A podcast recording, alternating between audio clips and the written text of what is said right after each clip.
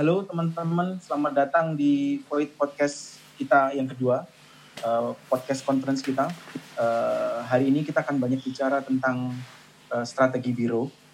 Di sini saya kebetulan kedatangan tamu dari banyak kota-kota di Indonesia dan di luar negeri. Ada dari Inggris, dari uh, Jakarta, Bandung, Jogja, Surabaya, dan Bali. Uh, nanti akan saya perkenalkan satu-satu kepada teman-teman semuanya. Tapi sebelum itu saya ingin menyampaikan uh, uh, apa ya uh, duka cita saya, duka cita kami atas nama POID, atas nama YAF, atas nama teman-teman arsitek muda di Indonesia, uh, atas berpulangnya Bapak Ahmad Juhara. Semoga beliau dilapangkan kuburnya, diampuni segala dosanya dan surga baginya. Amin. Uh, untuk kali ini uh, diskusi ini sebenarnya uh, akan jadi sebuah diskusi yang uh, ringan, tapi akan berat karena kita akan mengkomparasi kota-kota di Indonesia dan satu di luar negeri. Bagaimana sih caranya teman-teman atau rekan-rekan sejawat saya mengelola bironya selama kalau kalau boleh dibilang selama uh, selama uh, apa ya periode yang tidak menyenangkan ini. Untuk itu saya dan teman-teman uh, eh, IAF mengundang teman dari Inggris yaitu Mas Arif Istra Widianto AICTLA. Lalu dari Jakarta kita kita mengundang Mas Pelan Rumajid dari Min GS. Dari Bandung kita mengundang uh, tiga biro. Ada Rakta Studio Pak Vidor. Lalu kita ada uh, RDMA Lalu kita ada Aksen Studio dan satunya lagi kita sambil menunggu kita akan ada Arkites. Lalu di kota lainnya di Yogyakarta kita ada CDS dan Gugus Gagas. Salah satu dari inisiator YAF. Di Surabaya kita punya uh, Mas Iwan dari Ara Studio dan Mas Andi Rahman. Sambil menunggu juga kita ada rekan dari Bali yaitu Mas Jumiat dari SAL Asia. Oke, untuk mempersingkat, mempersingkat acara, waktu kita diskusi ini kurang lebih ada sekitar 45 menit. Jadi buat teman-teman uh, selamat mendengarkan, selamat uh, apa me, apa ya me, mengolah apa saja yang akan jadi kajian dari diskusi kita. Jadi untuk selanjutnya untuk point podcast yang ketiga, semua pertanyaan dari apa yang sudah disampaikan oleh uh, narasumber kita hari ini bisa ditanyakan untuk podcast selanjutnya. Untuk itu eh, saya mulai dulu dari kota ke kota ya. Saya akan mencoba berbicara dulu dari uh, jauh dulu dari Newcastle untuk menceritakan uh, pasca atau selama uh, kejadian luar biasa ini apa yang dilakukan oleh biro-biro di luar negeri atau biro-biro yang remote dari luar negeri uh, mengusahakan untuk uh, untuk menjalankan usahanya. Monggo Mas Arif Istirahat, silakan. Oke, makasih Mas Judi. Uh, selamat pagi ya waktu UK uh, eh, untuk teman-teman yang ada di Indonesia. Jadi sebetulnya kami uh, kalau dengan biro-biro yang ada di sini saya cuma hanya beberapa baru beberapa ya yang bisa bisa komunikasi dengan biro-biro uh, tersebut karena kebetulan juga salah satunya adalah uh, mentor saya di kampus. Tetapi sejauh ini kami hanya berkomunikasi karena uh, ya insya Allah ada beberapa joint project yang yang uh, mereka butuh support juga. Tapi saya belum belum sejauh ini saya belum belum tanya tentang uh, apa yang terjadi dalam kondisi uh, pandemik sekarang ini ya. Tapi uh, intinya agak sedikit berbeda. Di UK ini project itu saat ini banyak di, di apa ya diakomodir oleh langsung dari konsel. Jadi konsel itu sekarang mereka uh, banyak me, membuat program. Jadi mungkin kalau di kita namanya seperti kayak Bapenas mungkin ya atau mungkin uh, di kalau di daerah mungkin semacam apa ya namanya Bapeda mungkin ya. Jadi mereka itu sudah membuat master plan cukup panjang sehingga mereka membuat sebuah uh, program proyek itu mungkin multi year sih bisa sampai 5-10 tahun dan rata-rata proyek-proyek besar itu dimulai dulu dari sebuah proyek master plan. Dan saat ini uh, saya pribadi dan juga disupport oleh teman-teman dari remote dari AIJ Indonesia, uh, kami membantu kajian beberapa kajian uh, apa namanya master plan juga.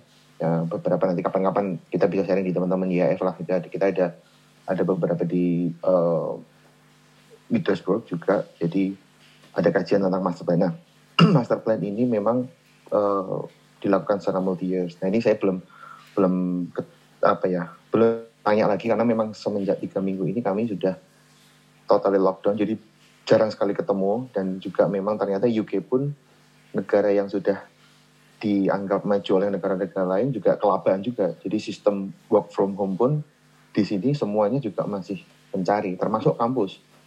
Kampus eh, per tiga minggu yang lalu sudah dipastikan semuanya remote by online sampai akhir eh, tahun ajaran akademik 2019-20 yang akan selesai di eh, bulan September ya. Terus kemudian kalau kami di JTLA saat ini ya tugas berat saya adalah justru malah dari datang dari dari teman-teman kantor di Indonesia karena kami harus kerja remote dan mengubah semua uh, skema project yang saat ini sedang running. Jadi uh, satu dua tahun ini kami kebetulan memang sedang mendapatkan kesempatan dari salah satu institusi uh, sosial di Indonesia untuk membuat sebuah master plan yang kurang lebih sekitar uh, ya rencana kita pembangunan itu sampai 5 5 sampai 10 tahun ke depan. 5 tahun lah mungkin ya dalam, dalam waktu dekat. Jadi sebelum saya uh, ke UK memang saya sudah men-setting proyek yang agak multi years ini semi automatic dan remote dari UK ya. Tetapi kebetulan memang ini di awal apa ya mungkin Maret mungkin ya di Indonesia mulai Maret, Maret ini ya mungkin ya.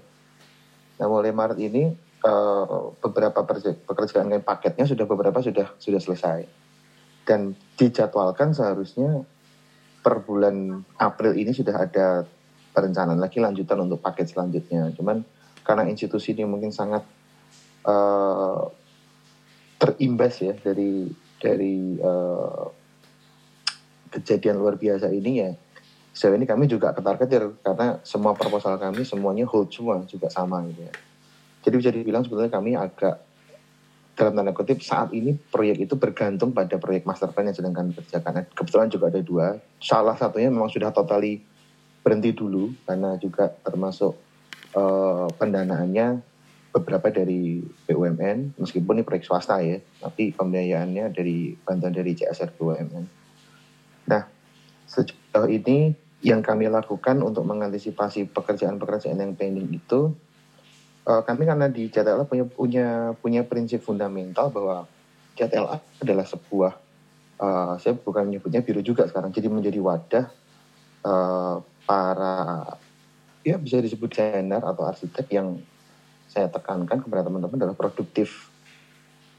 Nah, produktif itu di JTLA ada dua produktif yang sifatnya memang menghasilkan uang, artinya seperti proyek biasa, dan produktif loh, ada kita bekerja. Mungkin kalau teman-teman YF, kalau sering ngobrol, saya selalu ngomongin ini ya sebetulnya. Mungkin agak kita ulang lagi.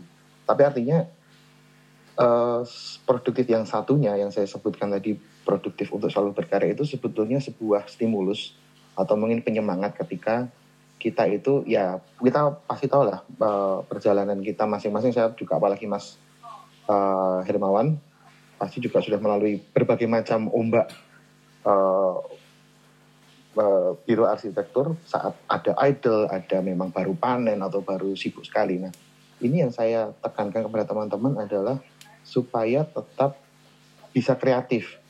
Artinya ketika kreatif ini uh, banyak sekali hal yang saya lakukan.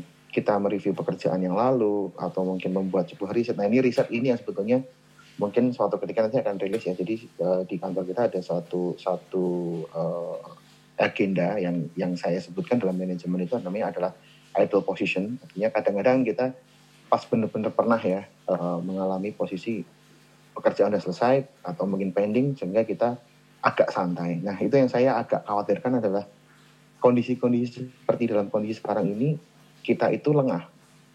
kemudian mengeratapi kondisi sekarang, kemudian santai, kemudian tidak ngapa-ngapain karena berpikirnya pekerjaan arsitek itu ya nunggu klien dibayar gitu kan gitu ya. Nah itu saya yang sebetulnya kalau tekankan teman-teman untuk berhati-hati. Karena untuk starting ketika kita sedang keadaan santai itu berat banget. Mengembalikan konsentrasi, mengembalikan imajinasi, mengembalikan uh, apa namanya kreativitas itu uh, sangat sulit sekali. Nah itu sebetulnya juga kebetulan dengan salah satu mitra kita yang ada di UK juga mereka melakukan yang sama. Mereka sering melakukan riset. Mereka juga sering melakukan kajian-kajian yang mungkin pernah uh, diprogramkan oleh pemerintah tapi ter, tapi nggak jadi. Nah itulah sebetulnya hal yang saat ini saya lakukan dan saya share ke kantor yang ada di Indonesia untuk tetap kreatif. Nah termasuk salah satunya kita ya hunting sayembara, kemudian kita mereview beberapa pekerjaan yang proposal yang nggak jadi uh, kemudian juga uh, apa namanya kunjungan lapangan kebetulan memang ada kunjungan lapangan ya uh, pekerjaan yang harus di, di, di review ya artinya di, di didatangi ke lapangan segala macam kemudian juga sebetulnya banyak sekali hal yang kita lakukan termasuk juga belajar dari MK karena kebetulan beberapa proyek kita organisasi proyeknya cukup besar artinya ada, melibatkan MK juga jadi kita uh, juga saling berkomunikasi dengan MK. Nah, pada intinya kondisi sekarang ini produktivitas yang kami angkat adalah tetap bagaimana otak ini bekerja. Karena bagi kami dan menurut saya kondisi-kondisi dalam kondisi idle seperti ini uh, adalah kesempatan kita untuk mengupgrade. Karena kita sedang tidak mungkin beberapa di antara kita sedang tidak mendapatkan beban uh, pekerjaan yang ibaratnya memang uh, ongoing sedang harus mengejar deadline ya. Artinya dalam hal ini itulah yang yang saat ini kita coba untuk selalu tetap kreatif dan produktif. Syukur nanti pada riset-riset yang kita lakukan secara desain itu uh, menemukan hal-hal baru atau terobosan-terobosan baru yang itu akan meningkatkan produktivitas kita di channel yang lain. Channel yang di mana produktivitas kita harus menghasilkan uang, menghasilkan desain yang baik, itunya tentunya bisa uh, berkolaborasi dengan baik ya mungkin sedikit dulu ya itu Mas Dudi pengalaman yang uh, saya lakukan antara saya menghadapi dua posisi yang waktu yang berbeda karena sekarang ini posisi waktunya sudah berbeda 6 jam di Indonesia dan saya di sini di UK uh, eh, 6 jam di belakangnya sehingga kadang komunikasi kami dengan kantor pun ya sangat agak atas sekali seperti kayak kita ini butuh waktu yang berbeda gitu. Ya mungkin itu dulu Mas. Okay. sementara yang saya Oke, okay, uh, eh, saya dapat saya dapat benang merahnya untuk ICTLA. Jadi dalam kondisi yang seperti ini, uh, eh, ICTLA memposisikan sebagai satu researcher tadi. Jadi momentumnya adalah untuk meriset karena ini dalam kalau dalam kajiannya Mas Isref adalah inilah status yang ideal position maka banyak banyakin riset lalu sayembara lalu mereview beberapa proposal sekaligus project-project yang sudah lewat atau mungkin yang sudah dipospon yang cancel itu masukan uh, itu salah satu uh, salah satu hal yang dilakukan oleh biro di Inggris di tengah uh, lockdown yang sangat serius sekali di Inggris itu saya terima kasih sekali Mas Sref nanti kan kita akan ulas lagi lebih lanjut untuk itu selanjutnya saya mau minta uh, masukan atau mau dengar bagaimana sih strategi biro di Jakarta ini adalah pusat pandemiknya uh, corona di di Indonesia. Yuk Jakarta cerita Mas Pelandro Majid. Halo, halo semuanya. uh, Jakarta sih dalam keseharian lumayan menegangkan ya, apalagi kayak uh, saya sendiri juga tinggal di daerah sekitar Pondok Aren ya. Ya, Tangerang Selatan sih nggak nggak persis Jakartanya, cuman uh, hampir beberapa kayak hari terakhir ya mungkin hari atau minggu kayaknya untuk daerah Jakarta kemarin ya kita sempat tangsel. Dalam arti kayak Pondok Aren juga sempat lumayan lumayan tinggi sih untuk yang yang tertularnya gitu. Dan uh, area sini yang lumayan akses ke tolnya lumayan deket jadi banyak hubungan dengan bandara jadi banyak kayak pilot dan ya mungkin pramugari uh, atau apa tinggal di di daerah sekitar sini jadi uh, kemarin sih juga lumayan lumayan tegang ya dalam arti kayak klaster tempat saya tinggal juga masih ya kayak semi lockdown lah jadi bener-bener hampir semuanya sekarang udah di udah di rumah aktivitasnya gitu kalau untuk aktivitas di kantor sebenarnya dari hampir tiga minggu kemarin itu kita udah mulai kayak tempore uh, apa ya kayak uh, masih voluntary sih work from home gitu. Karena waktu pas minggu pertama kita masih lihat dan ngobrol kayak gimana sih perkembangannya gitu. Nah itu kenapa kita ambil strategi kayak gitu? Karena uh, waktu pas kita ngeliat awal-awal sih karena uh, ngeliat tim sih. Tim saya kan juga nggak nggak gede total sekitar enam tujuh orang gitu. Dan kebetulan mereka itu semua juga rata-rata kos atau enggak tinggal di dekat kantor gitu Nah, jadi uh, bener-bener apa namanya uh, mobility mereka lumayan terbatas sih. Jadi maksudnya kayak cuma rumah, kantor atau enggak kosan kantor gitu kayak literally ada yang kosannya di belakang kantor gitu. Uh, jadi saya juga waktu mungkin ngeliat, saya bilang sih ke mereka intinya kayak uh, kalian kalau misalnya mau makanya ke kantor, coba mobility di luarnya itu di, dikurangin gitu loh. Jadi kalau bisa nggak ada sama sekali, cuma kita fokus rumah kantor rumah kantor rumah kantor itu aja. Jadi kita nggak ketemu siapa-siapa dan akhirnya membuat risk yang gede buat uh, satu tim kantornya gitu. Cuman mungkin ada satu staff saya yang lumayan jauh tinggalnya jadi dia tuh agak di di tengah Jakarta gitu dan dia harus mobility-nya pakai kereta. Uh, jadi untuk dia sih saya uh, bikin exceptional case gitu jadi kalau emang dia mau mulai start kayak fully work from home gitu uh, silakan gitu loh kalau untuk pace kerjanya kantor sekarang sih kebetulan uh, uh, ada satu dua yang baru masuk tahap desain sih, alhamdulillah juga gitu. Uh, untuk tahap desain sih mungkin secara koordinasi kita masih lebih masih oke okay lah uh, untuk untuk di apa namanya untuk uh, zoom gitu.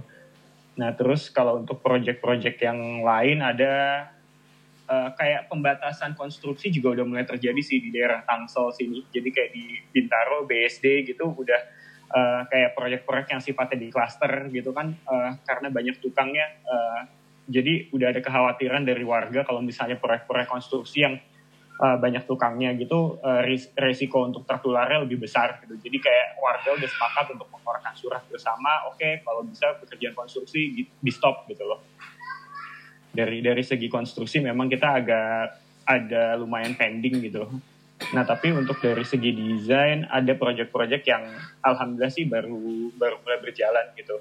Nah uh, sekarang pun saya masih uh, kemarin sih hampir minggu lalu udah uh, hampir full full work from home gitu untuk untuk semuanya. Tapi memang ada satu dua anak yang lumayan fakir wifi jadi ngandelin wifi kantor. Jadi mereka emang masih selalu bolak-balik ke kantor sih dan me mereka memang juga uh, ngerasa kalau kita kerja pakai PC mainly jadi mereka ngerasa juga kayak kapasitas laptop mereka juga nggak nggak kuat gitu selain juga dari internet connection dan kita juga kan banyak file-file kita yang sifatnya ukurannya lumayan lumayan gede gitu jadi nggak gampang ngupload itu semua gitu. Uh, nah itu mereka masih datang dan uh, minggu ini kemarin saya, saya juga masih ke kantor dan kemarin tiba-tiba kantor juga tanpa disuruh sih tiba-tiba kayak datang juga. Cuma saya bilang siapa pun yang mau datang ke kantor pola uh, sosialnya benar-benar social distancing rumah kantor rumah kantor gitu. Jadi ada satu dua kali kita masih harus koordinasi ke kantor karena memang ada hal-hal yang miss lah kalau misalnya dari Zoom gitu. Uh, tapi uh, kemarin sebelum kemarin dia ada sempat lah tiba-tiba kayak ada project baru masuk. Tapi in the meantime waktu itu memang sempat ada di kayak idle position itu juga sih. Dan hal yang saya lakukan juga kurang lebih sih sama sebenarnya. Saya minta uh, kemungkinan ada satu dua project yang kemarin udah sempat mau masuk gitu terus uh, jadi tertahan karena karena kondisi ini. Tapi in the meantime oke okay, biasanya pace kita oke okay, masuk langsung denah atau apa gitu kita nggak mau kita udah mau ngebiasain oke okay, kita riset dulu deh gitu.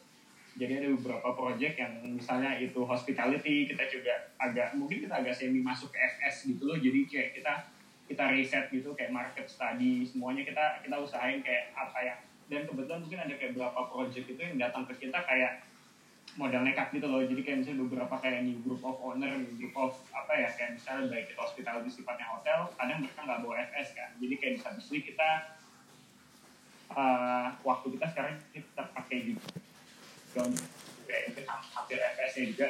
Dan satu lagi tuh saya juga lumayan suka ini sih kayak nggak tahu apa kayak uh, timnya sekarang tuh baru ya dari di, di kantor uh, maksimum mungkin kayak setahunan hampir dua tahun gitu Uh, jadi ya karena ini mungkin kayak pasar fresh fresh start juga, jadi saya juga lumayan ngasih ini sih reading material dari bekas-bekas saya kuliah gitu. Saya coba kasih mereka reading material baik itu filosofis atau nggak histori atau apa. Uh, yang itu biasa kita reguler kayak setiap Senin tuh orang tuh bisa sharing gitu. Jadi saya minta mereka untuk kayak baca gitu untuk kayak sharing yang yang pasti tetap aktif. Bener sih ini kayak opportunity kita juga untuk untuk upgrade gitu, untuk wawasan anak-anak in, in general seluruhnya. Jadi by the time itu semua mulai lagi kita udah kayak sebenarnya kita nggak nggak ketinggalan. Justru kita malah ada itu untuk kayak dia belajar lebih dalam menggali segala sesuatu lebih dalam itu sih studi Oke, nah ini menarik ya. Jadi dua dua apa ya dua narasumber kita dari Inggris dan dari Jakarta menyampaikan eh, kurang lebih sama. Salah satunya adalah kalau tadi di Inggris kita mereka Mas Isra eh, lebih mengutamakan oke karena kita ide kita akan review lagi projectnya lalu kita meriset eh, untuk Jakarta karena timnya tadi juga masih di bawah rata-rata di bawah dua tahun maka bisa untuk training upgrading uh, upgrading wawasan material. Uh, lalu di posisi seperti ini memang uh, saya melihatnya ada visibility study. Jadi waktunya itu akan jadi lebih longgar lagi untuk me, ya, me, mengkaji sebuah desain dan ini sangat menarik untuk teman-teman biro di Indonesia. Jadi ang, ya, apa, melihatnya sebagai sebagai momentum untuk uh, upgrading sekaligus uh, training ulang. Oke, uh, itu yang dari Jakarta. Sekarang kita akan bergeser sedikit ke Bandung. Kita ada Mas Nur Hadi, Mas Adi, ada Omai, Mike Merino, ada Mas uh, ada Mas Gariana Anggala, ada Mas ada Pak Fidor, ada siapa lagi yang belum bahas itu Mas Mas uh, Mas uh, Mas Januar. Oke, dari Bandung silakan siapa yang bersuara bisa dinyalakan semuanya. Monggo. Silakan senior dulu. Mas, komai komai, tuh deh, senior deh.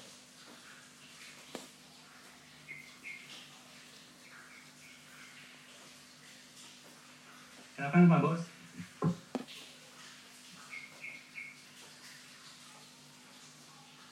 Nah, kayaknya lagi problem di suara ya. Kok Mas Adi, RDMA sama Komet boleh deh dibicarain dulu dari kalau dari perspektif RDMA. Nanti kita lanjut ke Rakta, habis itu kita ke Aksen, habis terakhir nanti Mas Dani sama Pak Fidor. Siap, siap. Oke. Gua nunggu Omik dulu sama Adi.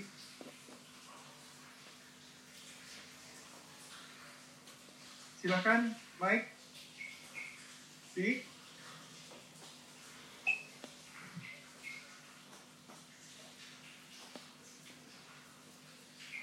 Eh, mana suaranya? Ayo. Adi, Tadi, Kal, sorry sorry tadi tadi putus. Kalau di Oke. Bandung, kalau di Bandung sih eh, agak nggak terlalu seperti kayak Jakarta kayaknya ya. Kalau Jakarta kan lebih dulu eh, apa chaos tuh kayaknya. Kalau Bandung lebih lebih sedikit terlambat lah. Tapi eh, dampaknya udah jelas udah pasti ada lah sebetulnya. Ya intinya sih kita berta eh, ininya semua udah pasti pada kerja di rumah semua. Terus kita juga belum tahu eh, efektifnya seperti apa gitu kerja di rumah eh, seperti ini. Tapi eh, gua sih berpikir eh, apa positif aja. Jangan-jangan setelah kalau udah kerja di rumah gini, jangan-jangan nanti eh, mungkin nggak butuh kantor gitu. Udah semua pada kerja di rumah.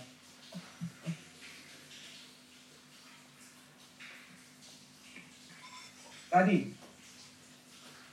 Dek, Dek, Nah, Mina.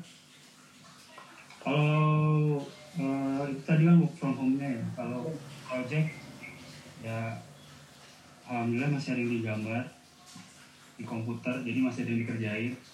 Terima kasih kepada Bapak Fidor juga yang yang berlimpah proyek. Gila lu. Terus tapi ada juga yang gugur, jadi kemudian pas lagi eh, lagi mulai wacana lockdown lockdown gue sempat ke Fluid terus ketemu orang. Uh, minggu kemudian dia bilang postpone dulu. Kayaknya sih dia bukan takut sama coronanya dia mikirin harga dolarnya yang apa, naik begitu tinggi. Tapi walaupun walaupun begitu ada juga yang aneh satu udah lama nggak kedengeran malah jadi ngontrak kayaknya mau lanjutin gitu. Itu agak ajaib ya terus kalau uh, work from home artinya ya kayak tadi Mike bilang jangan nyangka kita ketemu new normalnya new normalnya ya begini gitu. Karena terlihat lebih udah terpaksa dipaksa dipaksa pada 4.0 dipaksa pada pada bisa. Kalau industri lain bisa mungkin kita masih lebih bisa lagi. Jadi eh, bukan cuma balik ke keadaan seperti sedia kala prepare-nya gimana kalau keadaan nggak bisa balik lagi sama sekali. Ya, cara kerja yang baru. Jadi kita harus mulai pikirin punya FTP gimana cara akses kerja akses hard disk tanpa harus ke kantor. Terus membiasakan dengan uh, screen sharing begini gitu. Ini dari gue sih gitu. Yo, lanjut ke Rakta deh. Gimana Rakta? eh kata eh, bisa dibilang sih eh, apa ya efek di Bandung yang tadi Mike bilang nggak sedrastis Jakarta. Tapi mau nggak mau tetap eh, project-project yang mau mulai jadi eh, semua pada hold semua nih. Jadi keresahannya dari kita sendiri eh, berapa banyak yang akan eh, ikut-ikutan hope gitu. Sementara dari project beberapa kayak ada satu dua yang udah mulai di hope nah yang ditakutin ini kan eh, dampaknya bukan cuma corona berhenti doang tapi badai ekonomi yang ke depannya ini yang kita nggak pernah tahu tuh. Nah itu tuh yang yang benar-benar masih blank. Jadi jadi kita masih nggak tahu untuk eh, berapa bulan ke depan yang kita harus kita harus harus siasati gitu. Oke, jadi nggak ketemu ini ya, nggak ketemu akan akan sampai kapan gitu? Nah sebenarnya dikit ada nggak ada gambaran, nggak ada bayangan eh, berapa lama yang kita akan hadapi ini. Karena menurut saya eh, untuk dampak studio sih sebenarnya nggak sampai gimana karena memang ya mungkin kalian juga udah biasa kirim gambar, di transfer atau segala macam. Tapi kalau yang saya saya takutin sih sebenarnya berapa lama dampaknya ini loh. Itu yang gue takutin sih sebenarnya. Oke, eh, problemnya di situ. ya. Tapi project aman lah Pak Bidar ya. Kayak yang paling yang paling apa ya, yang paling halus gitu kerjaan di, di Bandung ya. Project hasilnya aja tumpuk-tumpuk terus ada habisnya. Oke. Twitter sih kayaknya ngantri. Ya Pak Bidar, oke dari Rakta Studio nanti kita akan gabung ikut summary-nya untuk Bandung. Kita lanjut ke Mas Januar. Gimana Mas Januar? Oke, ya. Salam semua yang dari Bandung, senior-senior, salam hormat. Nah, eh, di tahun akhir tahun kemarin kita tuh udah mikirin gimana caranya bikin bisnis plan tahun ke depan. Karena 2019 ya bisa dibilang pencapaiannya biasa aja, nggak nggak gimana-gimana. Karena kita berpikir eh, 2020 kayaknya oh bisa migas. Tahunnya sampai ada kejadian corona yang 30 31 Desember teman-teman. Dan itu bikin gue pusing sih karena gue udah mikirin ini di awal tahun, gue udah bikin bisnis plan 2020 dari bulan Oktober November. Tapi tahunnya sebenarnya skenario nya berubah. Jadi gue bikin tiga skenario. Yang ke satu itu optimis. Yang kedua most likely. Yang ketiga pesimis dan akhirnya sebenarnya sekarang kejadian gue berpikir sebenarnya bukan nakut takutin ya Eh, gue belajar dari resesi yang sebelumnya yaitu 2009 2009 Great Recession itu berlaku seluruh dunia juga dan beberapa company besar itu sebenarnya ter, ter- terkendala Cuma masalahnya brengseknya si corona ini, ini sektor UMKM formal dan UMKM terimbas juga. Jadi kita pun sebenarnya ini kena impact. Makanya eh, gue perlu forum-forum seperti ini untuk masukan dan diskusi. Uh, gue coba share sebenarnya.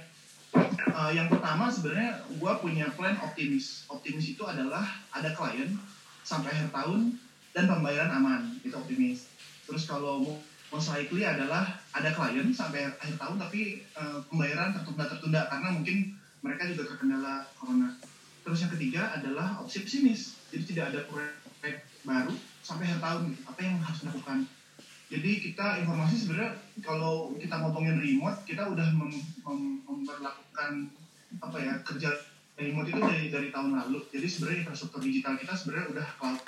Cuma yang gue takutkan itu bukan produktivitas, tapi kita bisa produktif, tapi klien dan ekonominya itu sangat jeblok lalu em, kalau gue sebenarnya strategi untuk dalam waktu dekat ada dua yaitu internal dan eksternal eh apa ya kita sebenarnya mungkin perlu membiasakan sesuatu yang mungkin kita sangat tidak nyaman gitu. Sampai ada lagu- lagunya rumah kaca yang baru yaitu normal yang baru. Nah, jadi bagaimana caranya kita menciptakan normal yang baru gitu. yang ke satu sebenarnya kalau kita ngomongin internal kita lagi perkuat lagi infrastruktur digital. Jadi ya ya biasakan kita morning biasakan kita morning silam pagi-pagi jam 8 di kantor di candi kita eh, yang bata-bata itu kumpul membahas tiga hal apa yang kita bahas kemarin apa yang apa yang kita kerjakan kemarin apa yang kita kerjakan sekarang dan kendalanya apa. Ya sekarang harus convert semua ke digital gitu. terus yang kedua sebenarnya gue belajar dari Pak Leni. Kalau kita ketemu sama orang atau ketemu sama klien itu nggak perlu langsung tetap mata dulu. Ya kasih form Google Docs aja gitu. Oh itu menarik menurut gue gue udah dan data nol dan hmm, itu menarik sih. Terus yang ketiga sebenarnya strategi internal adalah kita mendefinisi keuangan. Em, kita kurangi dulu cut-cut eh, yang liburan gitu ya. Beli boba dikurangi dulu. Terus ya mungkin kita eh, banyak invest ke aplikasi apa ya yang produktif seperti eh, Mas Iwan beli Zoom yang premium gitu. Itu kita pikirkan sih daripada beli boba. Terus eh, yang paling penting sebenarnya yang internal usahakan kalau gue berpikir ini gue baca dari Leonardo Sabrata mengenai strategi UMKM kita nggak usah dulu mikirin profit tahun ini. Yang penting cash flow alias darah perusahaan tuh tetap ada jadi kita nggak perlu lagi jual rumah jual kantor gitu jual apa-apa gitu. nah tujuan dari strategi internal kita adalah merubah sesuatu yang solid jadi fluid gitu Eh, beberapa buku bisnis pun sebenarnya membuat bagaimana kita jadi perusahaan yang yang yang yang lincah gitu yang agile nah terus gue berpikir strategi eksternal itu goalnya adalah memberikan source untuk truth and positive impact ke society. Jadi kita punya apa ya punya satu darah responsible arsitektur yang itu setiap setiap desainernya itu punya black book yang gua sebar supaya ini lu pegangannya supaya eh, tujuan lu adalah merubah eh, gaya hidup atau lifestyle instead of estetik di arsitektur. Yang pertama eh, strategi eksternal itu adalah go virtual. Jadi kita lagi perbanyak dan perkuat omnichannel seperti arsip proyek digital, website, Facebook, Instagram. Banyak juga kalau misalnya teman-teman belum punya website, kita bisa uh, submit project di Arsify, di Asitap misalnya ya. Dan sebenarnya komunikasi dengan calon klien atau kliennya penting karena kita memberikan satu empati atau uh, kenyamanan, comfort gitu. Yang penting enak ngobrol dulu gitu. Mau pacaran pun sebenarnya yang penting ngobrol dulu yang enak gitu. Baru nembak. Terus yang kedua, kita udah coba sebenarnya bagaimana di di channelnya kita eh, membuat marketing yang edukatif. Ini kan kita ngomongin mar- marketing di arsitektur sangat sangat sensitif ya. Kalau gue berpikir ya udah, jadi kita jadi channel yang edukasi aja. Kita lagi bikin podcast season 2. Nah, akhirnya sebenarnya podcast kita tuh bisa dimonetize, bisa dapat duit, tapi kliennya hold. Itu BT-nya. Ya kita coba lagi lah, eh, nggak nggak patah semangat gitu karena kita mikirin revenue kita nggak hanya harus dari arsitektur kok. Sebenarnya revenue kita bisa macam-macam. Terus eh, ini mumpung banyak nih 12 orang. Gue pokoknya akan todong satu-satu untuk jadi pembicara di podcast podcast gue ya. Jangan di void aja gitu. Gue sirik nanti terus yang ketiga archiving digital ini sebenarnya gue mikirin project-project gue itu ada hashtag di Instagramnya Accent Studio namanya Accent Details gue sadar bahwa DD gue nggak bagus-bagus amat. Cuma kayaknya nggak banyak orang yang berani menunjukkan apa ya detailnya gitu.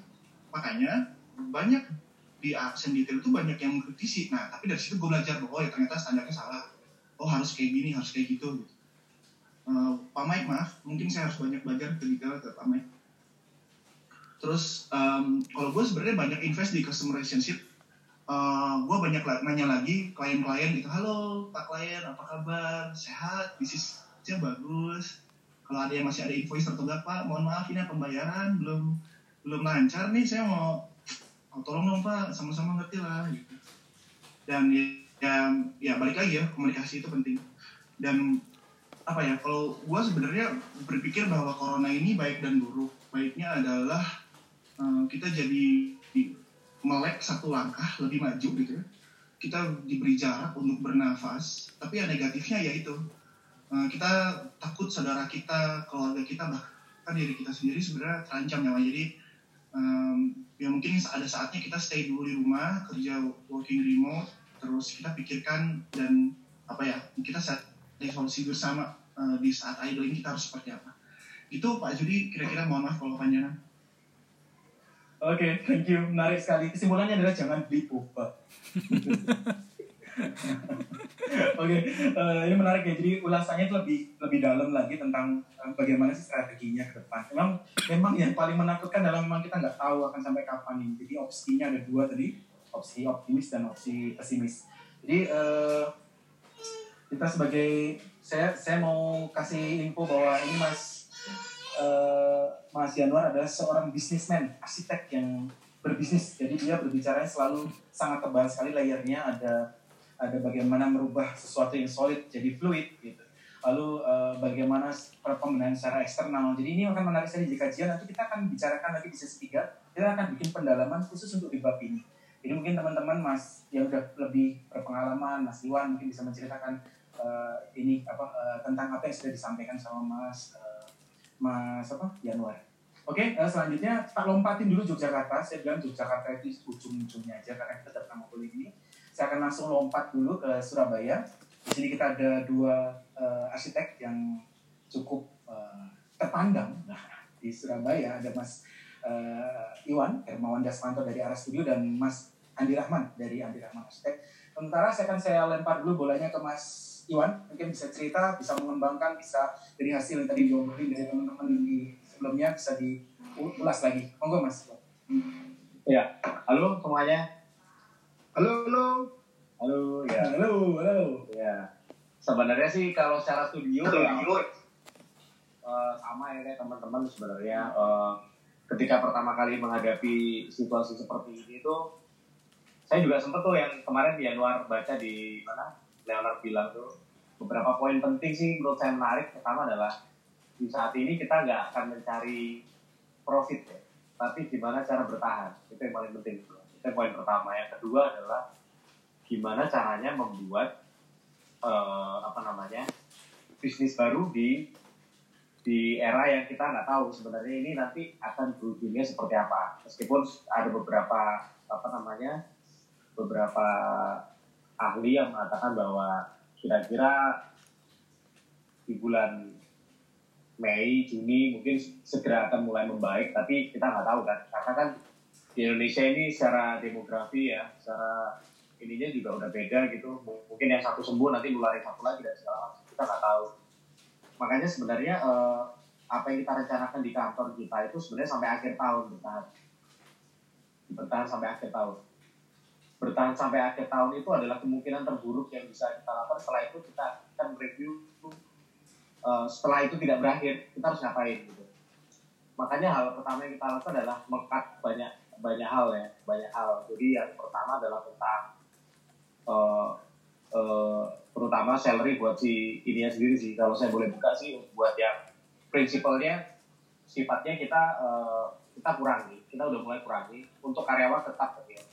Kita untuk mulai kurangi dalam artian sifatnya berupa hutang nanti ketika keadaan sudah normal. Jadi sebenarnya mengurangi itu untuk lebih ke sustainnya sendiri. Karena pada saat ini pun kita juga nggak bisa ke mana-mana sebenarnya gitu loh. Kita liburan juga nggak bisa keluar juga terbatasi. Jadi udah banyak eh, apa eh, biaya yang hilang sebenarnya kan.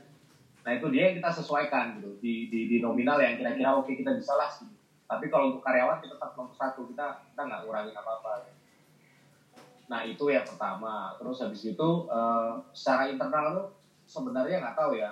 Kalau di tempat kita kita tuh kan udah jalan beberapa tahun untuk eh, biro kita ini sebenarnya.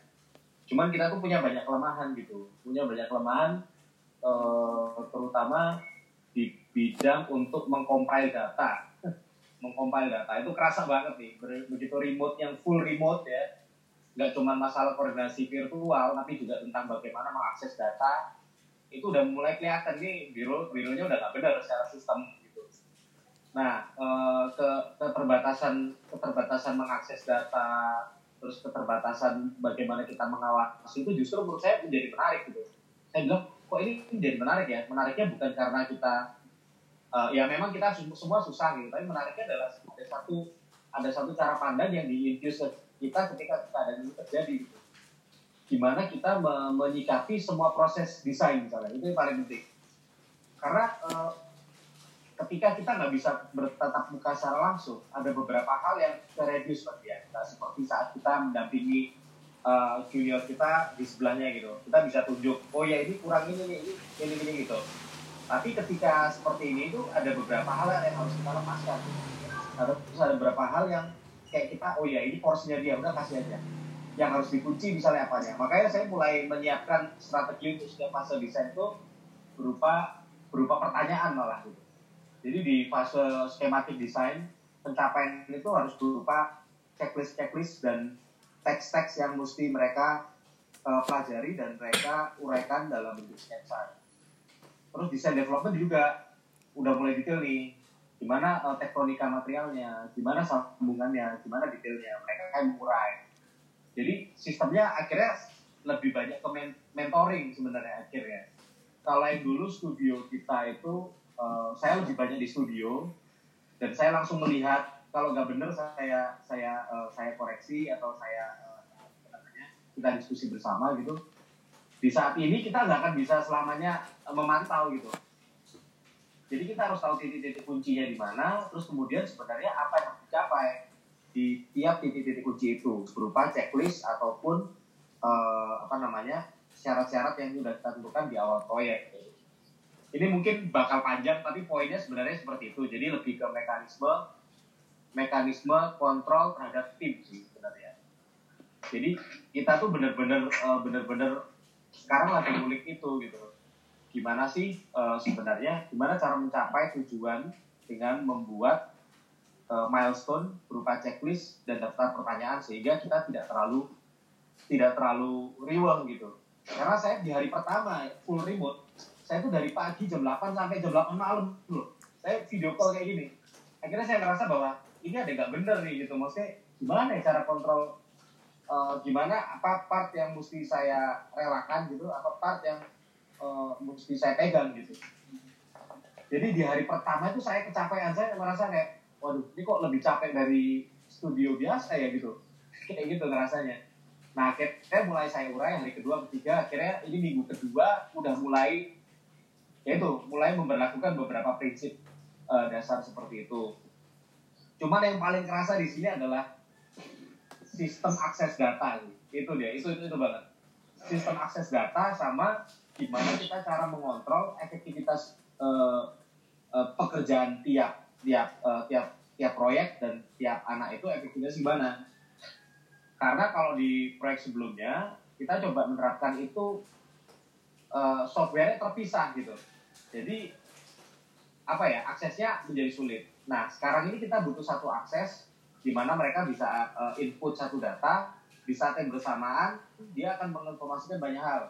Misalnya kayak dari segi skematik desain efisiensinya seperti apa, berapa persen sudah mencapai titik dari timeline yang disepakati dan lain-lain. Ini mungkin yang yang menjadi PR kita sih. Nanti aku juga pengen dengar dari teman-teman yang lain.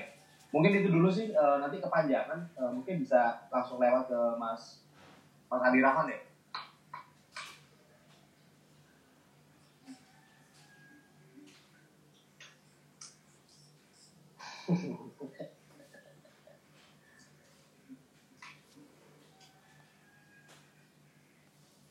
Langsung kayak ini.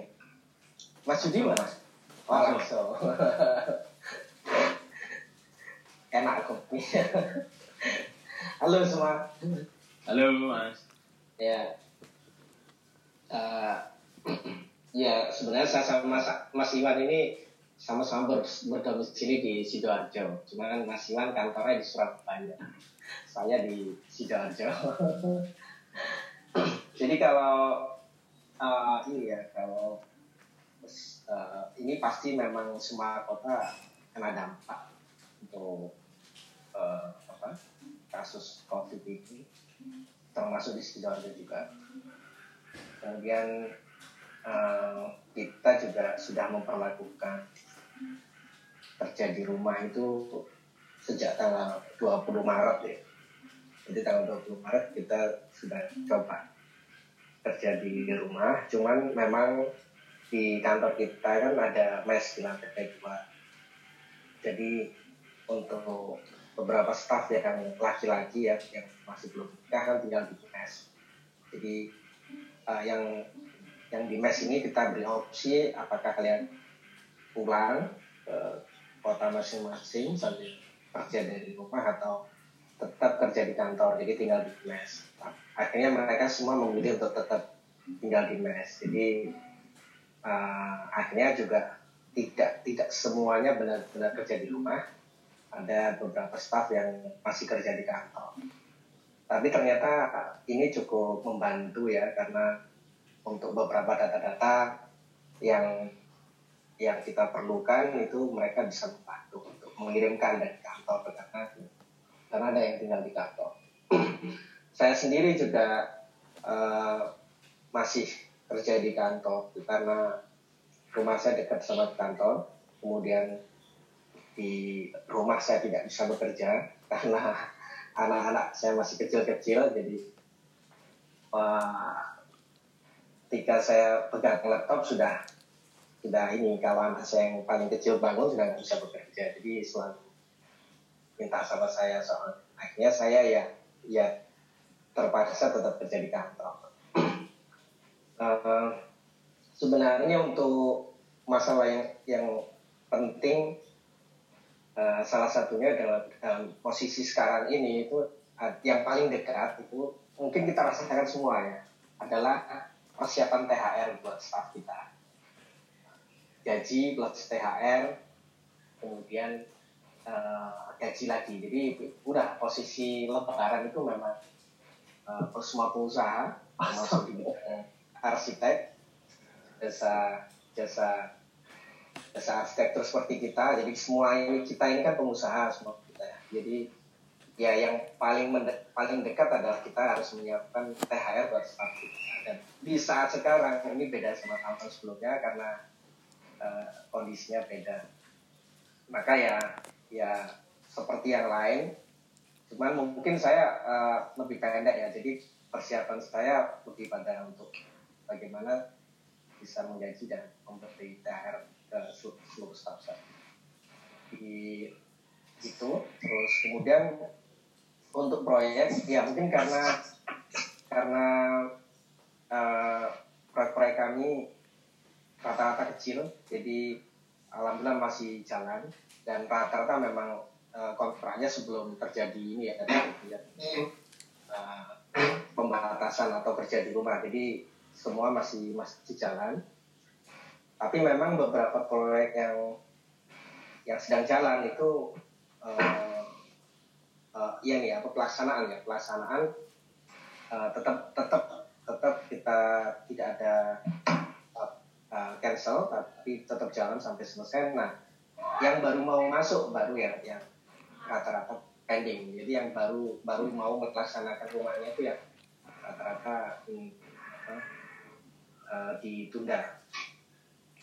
Nah ini bagian dari kondisi kondisi COVID uh, virus ini ya.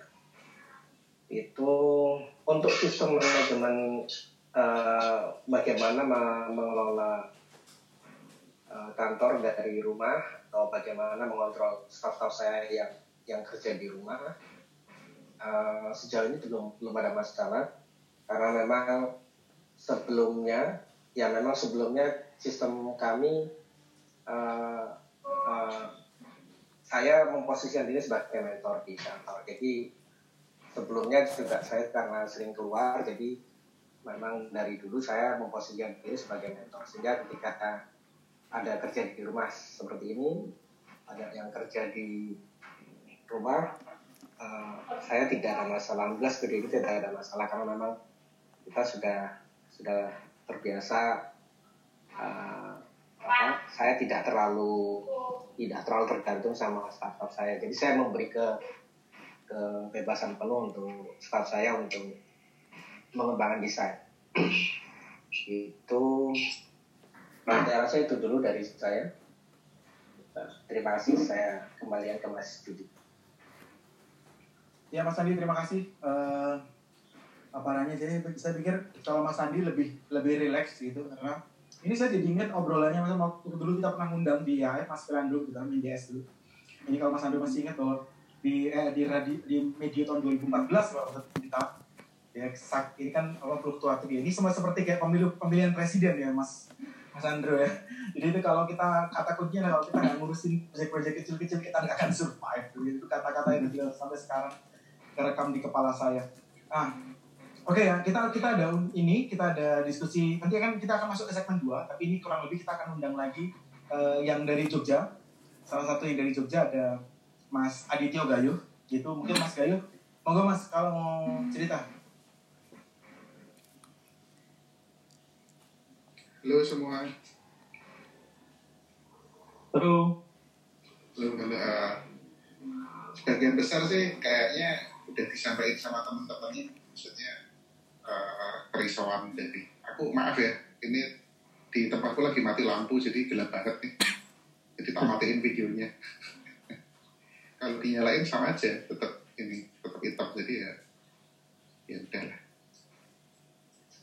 Kebetulan tadi baru hujan terus banget di sini, hujan angin terus nggak tahu besok hujan angin di daerah Sleman terus dimatiin listriknya. Sekarang hujannya udah reda tapi belum nyala-nyala lagi. Mungkin geser kantor pindah ke rumah aja kali ya, biar enak. Eh, tapi emang bener sih, eh, kita kebanyakan kan project eh, komersial. Jadi sedihnya kita begitu eh, industri pariwisata kena waktu yang kena banget ya kebanyakan proyek kita jadinya eh, banyak yang hold Eh, bahkan kita ada satu proyek di Surabaya di Semarang yang harusnya ngejar bukanya sebelum lebaran ini ya mandek semua maksudnya ya udah mau gimana lagi? Misalnya kalau mau diterusin juga eh, nggak mungkin buka beroperasi. Jadi ya aku bener ya kata Mas Judi tadi bener sih. Eh, dulu waktu Mas Wilanto datang ke Jogja sempat cerita juga eh, bahwa kita harus berstrategi jangan ngambil proyek gede semua jadi proyek kecilnya alhamdulillahnya sempat eh, ngambil juga untuk cadangan ya. Ternyata alhamdulillah itu sekarang justru itu yang jalan. Karena kalau orang bikin rumah kan kayak ya udah udah kepalang tanggung ya tetap harus tetap harus jalan. Mungkin sama kayak tadi yang dibilang sama Mas Andi Rahmat kalau yang baru mulai emang akhirnya mikir-mikir Eh, soalnya kalau gambar selesai emang proyek mau mulai kondisi kayak gini juga belum belum ini sih jadi intinya sih lebih ke eh, saya sebenarnya sama partner saya baru mau ngobrol lagi sih karena terus terang proyeksi kita tentang 2020 itu kayak bahkan ini loss slow-nya kita karena anggapan pesimis kita itu jauh masih lebih bagus dari ini ya. Jadi ya itu sih. Eh, terus terang sih kita belum ada rencana ke depannya apa yang harus dilakukan dalam waktu eh, setelah empat bulan. Karena kalau misalnya kondisi kayak gini setelah empat bulan tuh kerjaan kita udah kelar. Oke lah kita masih tabungan buat eh, nyelesain 2020 tapi mau ngapain gitu loh. Nah itu yang masih harus kita jadi PR bareng-bareng sih. Maksudnya dalam kondisi kayak gini juga kita bingung mau, mau networking nyari project gimana Eh, kadang juga kita sebenarnya ada project. Pada waktu pilpres kemarin kita banyak ngerjain project visibility itu cuma sekarang juga bingung juga kita mau bikin FS bisnis bareng sama teman kita yang ngerjain bisnis nggak ada yang bisa juga nentuin gimana kepastiannya juga serba nggak ada ya.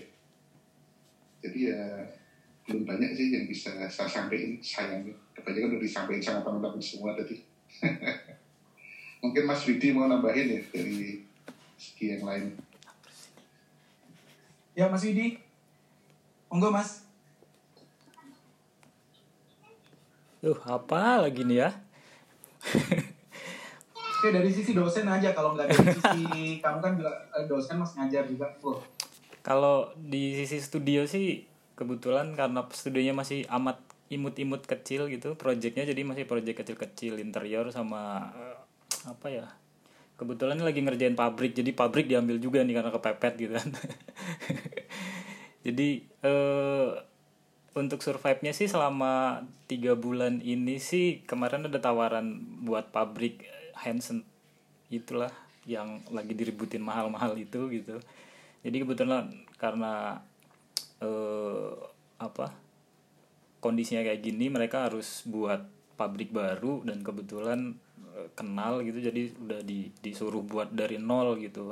Tapi waktunya cuma dua bulan gitu. Jadi ya mungkin dua bulan itu bisa dipakai untuk survive di studio sih sebenarnya gitu.